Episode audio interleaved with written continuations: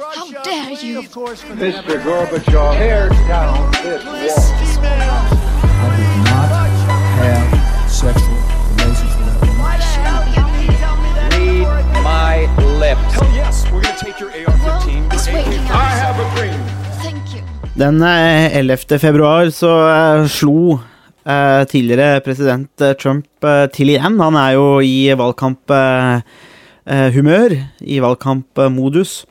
Eh, og da er, kommer jo på en måte one-linerne og uh, høydepunktene, eller lavpunktene, de kommer jo uh, på, på rad og rekke. og men, men det har jo også en litt sånn alvorlig slagside, det her. Selv om det blir sagt mye rart i, i hans valgkampmøter, så uh, ytrer han seg nå i helga, eller siden 11. februar, seg ganske kritisk uh, til, til Nato. Dette, dette er jo ikke noe nytt uh, for Trump over, overhodet i, i hans, eh, i hans eh, første kan jeg, kan jeg si, forhåpentligvis eneste presidentperiode, eh, så var han ganske kritisk til Nato eh, og hvordan alliansen fungerte, og de, ulike medlemlandenes eh, eh, de dedikering, kan vi si det, bruk av penger og hvordan de prioriterte det, slik at han var ganske kritisk, særlig til Tyskland, eh, for at de på en måte ikke betaler eh, og betaler nok, og at USA på en måte finansierer denne sikkerhetsalliansen, og på den måten finansierer sikkerheten for alle medlemmene, og, de på en måte er slags gratispassasjerer. Slik at eh, og, Trump har jo vært eh, har jo vært eh, et av hans eh, viktigste mantra, er jo det at man skal jo gjøre gode deals, og de skal vinne. Eh, amerikanerne skulle jo også vinne så mye at de ble lei av å vinne.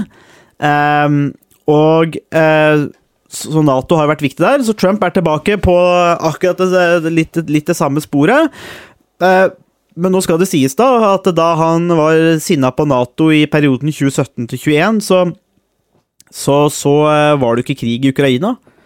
Eh, og det har jo på en måte endra en del ting for Nato, men også kanskje det, dette sikkerhetsbildet, og særlig i Europa, da, i, i Vesten, og det som er kjerneområdet tross alt til eh, Nato. Men eh, hva skal vi si eh, Skal vi si eh, først, Harald, det er, jo, det, er ganske, det er jo ganske drøye ting, egentlig, det å på en måte si veldig klart at eh, hvis eh, Han hadde et sånn hypotetisk tilfelle om at hvis et land sa at de ikke kom til å betale, så ville han bare oppfordre Russland til å angripe landet og gjøre hva de ville med dem. Eh, for hvis ikke du betaler, så har du ikke noe rett på, på sikkerhet. Og det er jo, det er jo ganske sterkt eh, signal, da. Og, jo, og da er jo på en måte det, det, det jeg satt og tenkte på, er at det er jo forskjell på en måte hva man sier kanskje til ja, til en for forsamling der det ikke betyr noe, men hvis du blir verdens mektigste mann, så betyr det jo litt. Ja, det gjør det, eh, dessverre.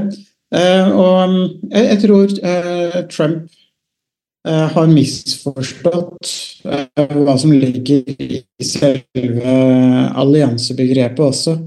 Og jeg tror det, det, den ideen som ligger til grunn for en allianse med at man støtter hverandre, det er et, en, en tanke som egentlig ikke finnes i Trump sitt vokabular. For, eh, for Trump så handler alt om seg selv, eller om han selv. Mm. Eh, og det å kunne det at, nå, eh, det at USA skal bidra til Forsvaret Til å forsvare andre land, det er noe som er helt fremmed for, for Trump. Så han har nok en, en i, veldig dyptgående skepsis og iboende skepsis til selve alliansebegrepet. Eh, og selv om det var eh, Nato eh, Trump uttalte seg om eh, nå eh, for ikke mange dagene siden, så har jo også utsagnene han kom med, eh, betydning for andre allianser som, eh, som USA eh, er, eh, er en del av. Og, og det er jo også det, altså det En annen ting er jo det med eh, at man skal betale. Eh, men hvis jeg har forstått det riktig, så er det jo sånn at alle medlemslandene i Nato betaler det Nato koster å drifte. Mm. Eh, Det som er uenigheten, eller det som er spørsmålet, er hvor mye penger hvert enkelt medlemsland skal bruke eh, på sitt eget forsvar. Og det er jo egentlig et annet spørsmål. Mm. For Nato er jo finansiert, eh, og kostnadene til Nato dekkes jo av medlemmene. Det er ingen med, så vidt jeg vet, så er det ingen medlemmer som ikke har betalt måte, det, det det koster å, å opprettholde Nato som organisasjon. Så det er jo to forskjellige ting. Eh, og Eh, Så det, det er en viktig, eh, viktig forskjell. og Trump framstiller det som om at eh, USA betaler for Nato, og det gjør de jo sammen med alle andre eh, Nato-medlemmer. Det er jo det er jo det her som er litt skummelt med, med, med kunnskapsløshet, egentlig. Fordi Trump er jo kunnskapsløs, egentlig, og de fleste av tilhengerne hans er nok like så når det kommer til disse tingene her. fordi De jubler jo veldig når Trump har snakka om at liksom, you gotta pay up og alle disse tingene, men som du er inne på, da, uh, han legger det fram som at dette er en slags sånn der, uh, abonnementsavgift, nærmest, man må betale for å drifte Nato, men det er jo ikke sånn det fungerer. fordi de har jo det de koster å drifte, og, og, og de har jo noen midler som alle bidrar til. Uh, men, men, midlene altså Det kommer jo egentlig gjennom alt det de hvert land bruker på forsvarsbudsjett. Det er jo egentlig det som er hoved... Det er jo det som er kjernen i Nato. Det er jo ikke sånn at vi finansierer Natoen uavhengig. Det jo, dette går jo i forsvarsbudsjettene, men man setter det sammen da i en, uh, i en um, i en uh, allianse. Uh, og det kanskje Trump har vært ute etter, er jo dette målet som Nato-medlemmene skal ha om å bruke 2% av bruttonasjonalprodukt på forsvar. Og Der har jo for en del, en del land vært lavere, og f.eks. Tyskland ligger på rundt 1,5 da. Um, og ligger under, og det har jo da Trump vært sinna på. Uh, tyskerne er jo på vei opp mot 2 uh, men, men, men, der, men, der, men der er det jo en liten sånn misforståelse. Eh, fordi, og, men det er klart, det, det, det litt polemiske argumentet og polemikken til Trump høres jo mye bedre ut hvis du kan, eh, hvis du kan vinkle det i den forstand at det andre bidrar ikke sånn som vi gjør, vi betaler for alle andre. Og som du sier, da, det, det handler jo bare om Trump, fordi jeg hørte på den eh, talen hans. Og hva er det han vinkler til etter, at, etter at han på en måte har kommet med den tiraden? Jo, det er forrige periode, hvor han snakka med f.eks. Stoltenberg, og Stoltenberg var jo da Trumps største fan. Og Trump, nei, Stoltenberg gikk, hadde, gikk visstnok da bort til Trump etter et møte og sa liksom Takk liksom for at du klarer å få til det ingen andre har fått til når det kommer til det å bruke mer penger på Nato eller forsvar. Så det var på en måte han som hadde ordna opp i de, de tingene her. Nå. Så det, det er jo som du sier, det handler jo stort sett bare om han, da. Ja, dessverre. Og så er det jo mange gode grunner til at uh, europeiske land ikke har brukt så mye penger på, uh, på forsvar etter andre verdenskrig. Uh, på 1900-tallet så var det stort sett sånn at så fort europeerne fikk rusta opp forsvarsindustrien, så ble det først en verdenskrig og så en verdenskrig til. Så etter andre verdenskrig så var det jo ganske bred enighet om at Europa delvis skulle demilitariseres. Mm. Og at man skulle forsøke å unngå opprustning av forsvarsindustrien. Og Det gjelder jo spesielt Tyskland. Og så er det jo også sånn at mange av de østeuropeiske landene som var en del av Sovjetunionen eller øst østblokklandene eh, fram til, eh, til 1989, de eh, er jo relativt fattige land. Eh, og er jo også i en økonomisk situasjon som har gjort at det ikke eh, har vært eh, like lett å oppruste og bruke mye penger på forsvarsindustrien. Så der er det, så det, det er litt så Når Trump kommer og sier at europeerne på en måte er klassiske sånne freeriders som eh, skal snylte på andre, så, så, er jo det en sannhet med ganske store modifikasjoner. Og det, det er jo ingen tvil om at Europa kommer til å bruke mer på forsvar eh, framover. så det er jo det er på en måte en konklusjon som, som litt som ligger i kortene allerede. Eh, og så er det jo også et annet element. Det tar tid å bygge opp forsvarsevnen. Og det tar tid å investere i nye eh, forsvarsanlegg og ammunisjon osv. Mm. Man må bygge fabrikker, og man må bygge anlegg og flyplasser og hangarer og mm, militærleirer osv. Og, så og det, det tar tid. Så det er ikke sånn at man bare kan øke andelen fra ett år til et annet Mm. og si at man har innfridd eh, målet. For man skal jo bruke pengene på noe som, eh, som gir økt forsvarsevne eh, tilbake. Mm. Det er jo det er et, det er jo et eh, vesentlig poeng, og dette med, særlig med produksjon, altså når vi ser noe med tanke på alt det som kreves i eh, Ukraina. Eh, Det er jo det er, det er jo tilfeldigvis sånn da, at eh, ved Høgskolen Østfold så ga jo en forskergruppe vi er en del av, Arias, eh, ut en bok, eh, var det i 2022, om, eh, om eh, nettopp om allianser. Eh, ulike former for, og typer for allianser, så det kan man jo gå inn på høyskolens sider, og man kan jo finne ut på uh, våre profiler f.eks., og se inn i publikasjoner, så vil man jo finne lenke til, til, uh, til denne boka, som da er full av kapitler om, som omhandler allianser. og det Jeg skrev jo da et kapittel, dette er jo da før krigen i Ukraina, om hvor, hvorvidt Nato var en utdatert allianse. Eh, og det var jo et betimelig spørsmål, fordi at uh, de hadde jo egentlig ingen klare fiender og klare mål som passa alliansen, slik at det var klare spørsmål internasjonalt om Nato egentlig er fit for purpose, og du hadde jo også president Macron i Frankrike som uh, forsøkte å få til en mer sånn europeisk, eller EU-sikkerhetsstyrke, en sikkerhetsallianse uten USA. Slik at det var en del spørsmål rundt dette. Alt dette har jo forsvunnet med invasjonen av Ukraina. Eh, men det er jo, kan man jo gå litt tilbake her da, og se litt, kanskje litt mer nærmere på hva, det, altså hva som egentlig er Hva er en allianse. eh, Hvis vi ser på Nato, for eksempel, som er etablert da i 1949, eh, ble jo det etablert som en kollektiv forsvarsallianse. Eh, rett og slett for å møte, på trusselen, eller møte trusselen fra Sovjetunionen. Det er egentlig det som var mye av rasjonalet eh, den gangen. Um, og, eh, men hadde også et, et eh, uttalt ønske, eller mål, om å bidra til internasjonal fred. Slik at du hadde en blanding her av det vi kaller kollektiv forsvarsallianse, men også en kollektiv sikkerhetsallianse. Og det er de to viktigste formene for eh, allianser, egentlig. Denne kollektive forsvarsalliansen og en kollektiv sikkerhetsallianse. Og de har jo da litt, litt breide Nummer to har jo litt breiere fokus, egentlig. Eh, litt breiere eh, syn, altså, mens en kollektiv forsvarsallianse handler jo mye mer om f.eks. det å møte en konkret trussel, da, sånn som mot Sovjetunionen, eller kan det være det ma mange eksempler på sånne type allianser eh, gjennom historien. Nå går jo tilbake til Thucydides i gamle Hellas, som de gamle realistene eh, henspilte så er jo det alliansebygging i den, i den forstand òg. Eh, men denne kollektive sikkerhetsalliansen har jo også vært veldig viktig, for det, er, i hvert fall i det jeg fant i min forskning, var jo det at det er det som har gitt Nato mer liv. Fordi eh, Sovjetunionen forsvant jo, så trusselen forsvant.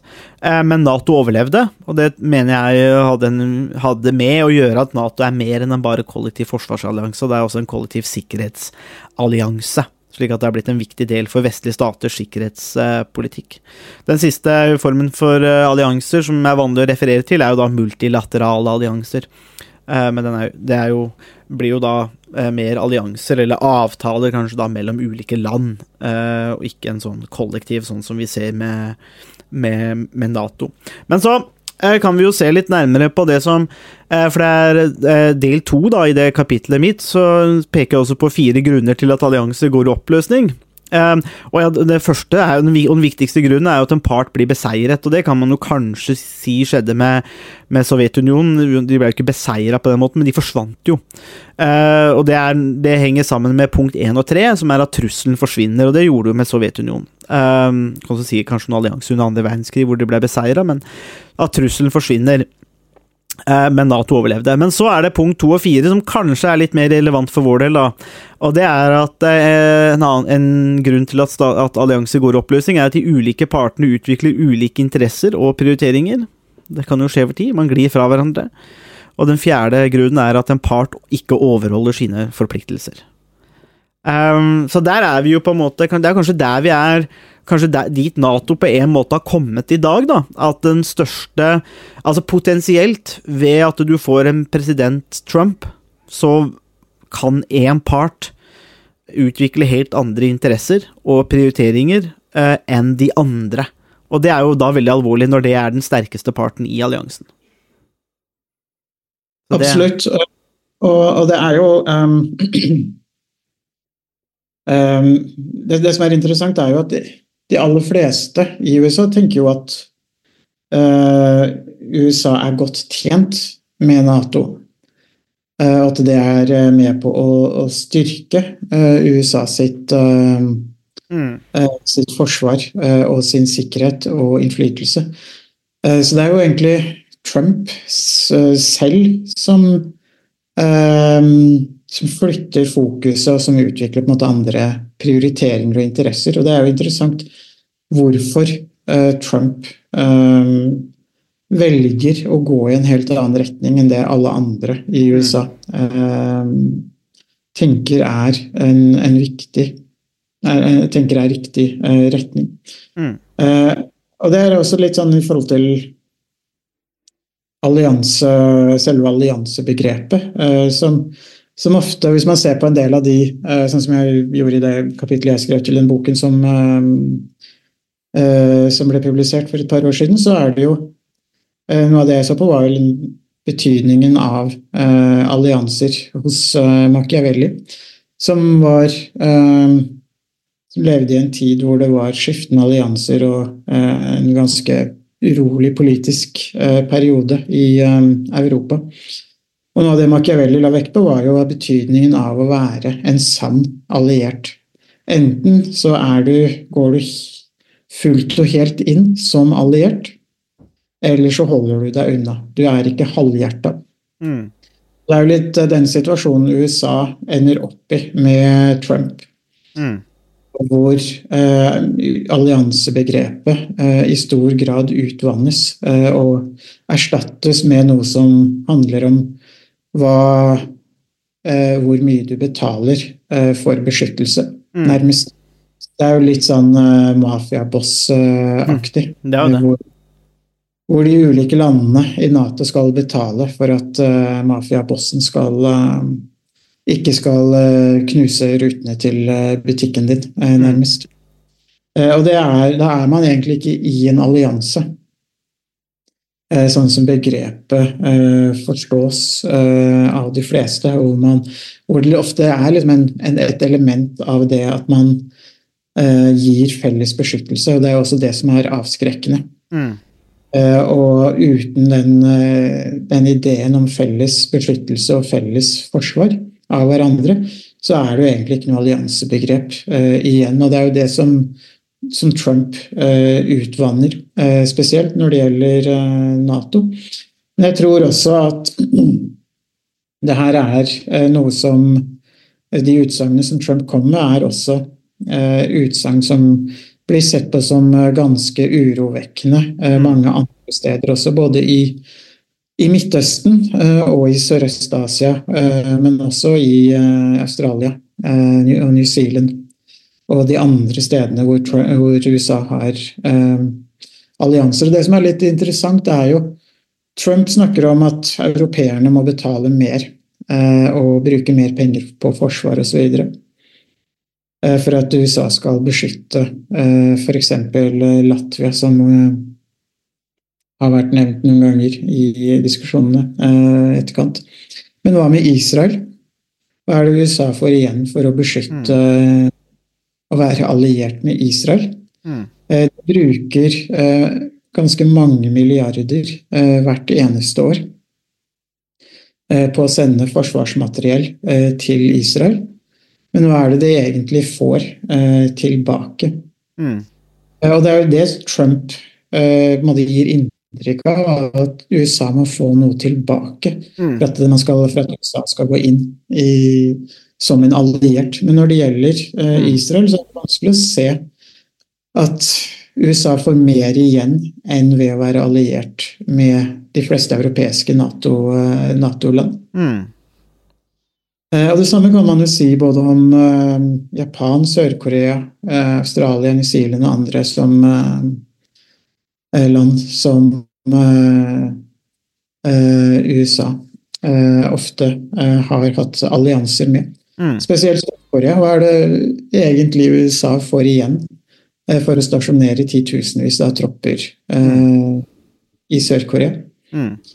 Eh, så, så hvis man hvis man ser på det perspektivet, eller bruker det perspektivet og den tankegangen til Trump, så innebærer det jo egentlig at ingen av de alliansene som eh, Trump eller som USA har, er i Trumps interesse i det hele tatt. Fordi tilsynelatende så får ikke USA noe igjen.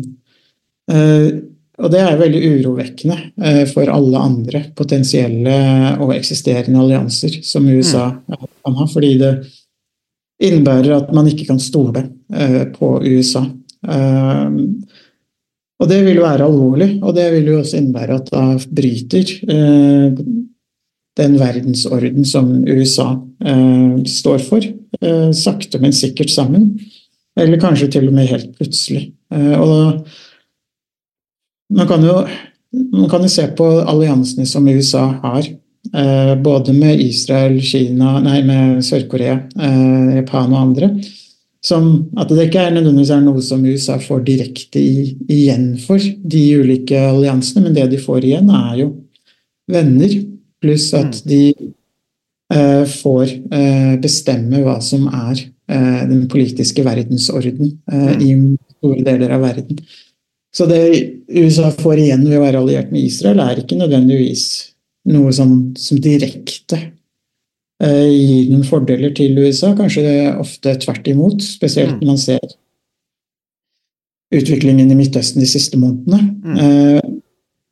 Mm. Eh, så isolert sett så er det ikke noe USA nødvendigvis tjener på, men USA får noe igjen ved at de får venner, pluss at de dikterer og bestemmer verdensorden. Og det er nettopp det Russland og Kina eh, utfordrer, både i Ukraina, men også i Sør-Kina-havet. Og man kan også si at Iran og andre utfordrer det i, eh, i Midtøsten mm. Eh, på ulike måter. Det der, ja, det er det jeg tenker kanskje er kjernen, eh, og hvor Trump bommer, da. For USAs vedkommende. altså Det er lov å ha andre prioriteringer, så hvis Trump vil ha noe annet, så er jo det greit. Og det er jo ikke gitt at en amerikansk verdensorden, eller hvor de er hegemon, er noe bedre enn noe annet, eller at det er det beste å anta. Det, det, det, det skal ikke gjøre en sånn normativ vurdering, men det er jo rimelig å anta at USA hvis vi skal snakke om det som en enhetlig aktør, og det kan vi gjøre kanskje i et internasjonalt system, da, det er jo der allianser og det er jo, dette er jo mellom stater, så er jo dette en måte å hevde seg på og presse gjennom sitt syn og sin verdensorden og hvordan de vil ha ting. På, på godt og dårlig, på godt og vondt. Eh, og det er jo nettopp det at eh, hvis du da er, eh, er, i en sann allianse med partner som støtter deg, så har du jo en veldig backing til å nettopp gjøre disse tingene. Eh, men hvis du går den ruta som Trump gjør, eh, og ser ut til å ville gjøre, så risikerer man jo for det første at eh, de partene som vil utfordre der Russland har, vi, forsøker jo, men jeg tror jo den krigen nå er jo særdeles ødeleggende for Russland uansett, fordi at uh, de, må, de, må, jo bruke enorme ressurser. Uh, materielt, men også menneskelig på å vinne noen få kilometer i Ukraina. Mens bak dette så står jo hele resten, f.eks. vestlig industri, da, og bare pumper ut Eh, materialer og råvarer og bygger teknologi. Slik at eh, hvis, hvis Trump ser for seg Ukraina-krigen i en stor skala hvor han skal bli hegemon, så taper han jo terreng, fordi at eh, de landene han konkurrerer mot, de jo, blir jo ikke skada i krigen. Den, det landet som blir skada, er Ukraina. Så, og Russland som tap, så, ja, Der tror jeg han taper, men Kina er jo en annen land med mye større kapasitet til å utfordre USA, og det vil jo kanskje være mye enklere for Kina å utfordre USA, f.eks., hvis Nato ikke er det det er. Uh, hvis man mister de allierte og europeerne går til sitt eget, på en måte, så har man mista mye av den uh, backingen man trenger for å gjennomføre sitt syn. Uh, man kan jo lett se for seg andre saker hvor europeerne f.eks. støtter andre land, eller man ska, skaper andre maktblokker. slik at jeg, det, det, er jo der jeg, så der er jeg helt enig med deg i at jeg tror for det, i hvert fall det tradisjonelle USAs prioritering internasjonalt, det er det kanskje noe av det som blir trukket mest i tvil eh, ved det Trump sier. Men én ting er hva han sier nå, men hvis han skulle vinne valget, da, og, han, og, da kan han jo ikke ha en ny periode, og da er jo på en måte all bets are off da, altså hvis han eh, skulle komme inn i en ny periode. Da, da tenker jeg at det kan være mest ødeleggende kanskje for USAs posisjon sjøl, da, mer enn en andre. Absolutt, og så er det jo et annet element. Uh Hvis man analyserer og spør hvem er det Nato har tjent best, Mm. eh, så er jo, eh, er jo USA det eneste landet som har brukt artikkel 5, eller påberopt seg artikkel 5 etter eh, 9-11-bombingen i 2001. Eh, Og eh, i forbindelse med eh, krigen i Afghanistan og invasjonen av Afghanistan, så, så var det jo eh, eh, veldig mange eh, land som sendte soldater eh, til Afghanistan. Eh, og det var soldater eh, fra svært mange eh, Nato-land som også måtte ofre livet, og som døde og ble drept i, eh, i Afghanistan, og bl.a. Norge. Mm. Så det er jo sånn, Da har USA påberopt seg artikkel 5 eh, som den eneste, eneste medlemslandet i Nato. Eh, og så har alle medlemmene vært med på å støtte eh, krigen mot terror og eh, krigen i Afghanistan i en lang årrekke. Og når da europeiske land kommer i den situasjonen at de trenger hjelp, så er plutselig USA ikke der. Og det er jo en ganske sånn et, et, et perspektiv som gjør at um, hele igjen hele forståelsen og all- alliansebegrepet egentlig faller litt, uh, litt fra hverandre. Mm. Eh, Så man kan jo si at det er jo USA som også er den som har tjent mest direkte Mm. eller mest direkte å tjene eh, på, eh, eh, på Nato. Og mange land har jo, mange Nato-land har jo eh, bygd om sitt forsvar fra å være et sånn tradisjonelt landforsvar til å kunne eh, være, bestå av styrker som kan sendes til ulike deler eh, av, eh, av verden. Mm. Eh, Og det er jo nettopp fordi at man har sett sitt forsvar i lys av hvordan man kan støtte opp om eh, USA sine aksjoner og kriger eh, i ulike deler av, eh, av verden. Mm. Eh, Så, så sånn sett så, så er jo det Trump eh, sier, det er noe som er svært ødeleggende eh, for tilliten og mellom ulike, de ulike Nato-landene. og som, som egentlig er mye mer, kanskje mye mer alvorlig eh, enn det mange eh, kanskje tenker sånn umiddelbart også. Mm. Nei, det blir jo Det blir jo spennende å se. Eh, vi må jo dekke valget og det som skjer framover der, men eh, man kan jo frykte litt for konsekvensen av av, eh, av hva som måtte skje hvis Trump vinner igjen. Det er, det, er det, det er noe med det at disse vurderingene ser ut til å være sånn halvkokte, og ikke nødvendigvis gjennomtenkt, og, og prioriteringer som er litt merkelige. Og så er det uansett sånn da at Og det er jo litt rart òg, fordi at med, med Russlands invasjon av Ukraina, så har, kom egentlig, i hvert fall slik jeg så det, de, Putin kom egentlig Nato til unnsetning. Eh, fordi eh, jeg er litt usikker på om Nato hadde overlevd eh, veldig mye lenger. Hadde, jeg, tror, jeg tror det hadde fått seriøse endringer, i hvert fall. Eh, slik det var nå, for da var det var en stagnasjon. Men med Russlands situasjon så fikk du plutselig en ganske klar og konkret konflikt. Det var jo veldig lett å peke på hvorfor er det vi trenger en kollektiv forsvarsallianse. Jo, fordi at du, eh, du, du kan få gærninger sånn som eh, lumske Putin i Russland, som plutselig finner ut at området ditt har vært en del av Ur-Russland en eller annen gang, og at dere, det, alle går egentlig og ønsker å snakke russisk. Og her har det vært noen nynazister og korrumpert eh, område og sånn, så da må vi bare inn og invadere. og det det er jo tydelig at altså det er jo litt sånn vi, vi ikke trodde kunne skje lenger. Det var litt sånn, ok, det er kanskje sånn Kanskje litt sånn man driver i Nord-Korea og andre steder, men det å bare finne opp ting på den måten, det trodde vi kanskje var litt forbi. Eh, og så ser man at eh, nei, det er ikke forbi. Eh, og så er problemet at eh, når det da sitter en person i Kreml som er så mektig, og et så mektig land, så kan du faktisk påføre ganske mye skade. Eh, så da fikk man jo klart definert fiende, eh, og det er jo nettopp akkurat det som skjedde i Ukraina, som Nato egentlig er rigga for. Eh, slik at eh, Nato fikk jo, eh, fikk jo nytt liv. Eh, og eh, Sverige og Finland har jo kommet med. Eh, bra for Norge, eh, på én måte, sånn hvis, du, hvis en skulle tenke seg invasjonsmessig. Før så var det veldig sånn at man antok at Russland bare måtte prøve å rulle innover Nord-Norge, mens nå så er det jo på en måte flere fronter.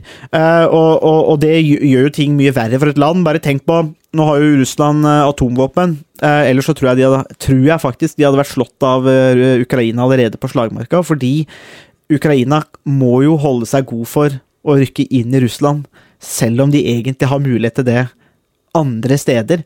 Men eh, straffen ved å da gå inn i Russland kan jo være potensiell atombombe. Eh, slik at man må jo Det er jo egentlig en rigga fight på okkupert territorium i Ukraina, men hva om ukrainerne hadde fritt spillerom? Eh, til å angripe langs hele grensa. Og skulle det skje noe med Nato og Russland, så er det nettopp det som kommer til å skje. Og vi vet jo at troppene i nord er jo langt vekk, trukket vekk fra norskegrensa og ned til kampene i, i, Ukraina. Det betyr jo at eh, det ville vært veldig åpent i disse områdene for invasjon fra Natos side, hvis det skulle vært aktuelt. Uh, slik at uh, Ja, nei, jeg tror uh, der har jo på en måte Nato Det er litt dumt, på en måte, tenker jeg, for Natos del kanskje, og for USAs del, når Nato tross alt ser ut til å bli mektigere. Eh, og så skal du forsøke å underminere det. det, jeg, jeg, jeg, sliter med å se rasjonalet, for at det, i hvert fall eh, vi, vi som har jobba mye med internasjonal politikk, er jo vant til å se det synet som du, hadde, som du presenterte i stad, hvor USA har et ganske sånn klart syn på at de skal være hegemon i et internasjonalt system og presse gjennom sitt syn.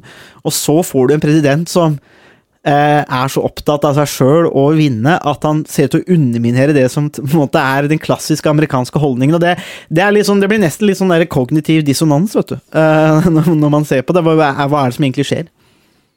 Ja, det er jo ikke et helt uh, nytt fenomen når det gjelder Trump. Uh, og det har vel ikke vært uh, et helt fremmed fenomen når det gjelder Biden eller den siste tiden, hvor han har fått mye tid for å være Eh, nærmest eh, litt eh, ute av stand til å ta Til både å huske og ta beslutninger. Ja. Så det, det, er jo, det, er jo, et litt tragisk utgangspunkt for det kommende presidentvalget, med to mm. senile kandidater, nærmest. Ja, det er det lover jo ikke godt for, eh, for valget i i det, hele tatt. Og det er jo kanskje, er kanskje litt alvorlig òg, når, når, når, det er snakk om så viktige ting, da. At um, det ser ut på en måte å nærmest bli avgjort på en måte med, med relativt gamle menn. Det er jo ikke noe gærent å bli over 75 og 80 år, men, men det er noe med det at du Uh, skal du da lede verdens mektigste land og være løs kanon, så blir det på en måte litt sånn, litt sånn dårlig kombinasjon da, for alle de millionene av livene som avhenger av på en måte avgjørelsene her. Uh, men det, det, får vi jo se nærmere på når vi uh, kommer til det amerikanske valget, som tross alt nærmer seg. men det er i hvert fall litt med, om situasjonen med Nato og, og allianser, og så blir det jo spennende å se. Jeg tror min spådom er at Stoltenberg ikke for godt av på lang tid. Uh, særlig hvis uh, Trump skulle vinne, så tror kanskje så tror jeg kanskje Stoltenberg Hvis Trump vinner, så tror jeg kanskje Stoltenberg sitter på livstid for å prøve å slukke branner i, i, i, Nato. så da spørs om han blir sittende en god stund til. men vi får se hvordan det går med Nato, NATO framover. Takk for at du hørte på Statsvitenskap og sånt. Har du spørsmål, kommentarer eller tilbakemelding, så er det bare å ta kontakt på vår Facebook-side, per e-post eller brevdue. Musikken er som vanlig laget av Robin Horvath, og Mats Halvorsen mikser og redigerer podkasten. Vi høres!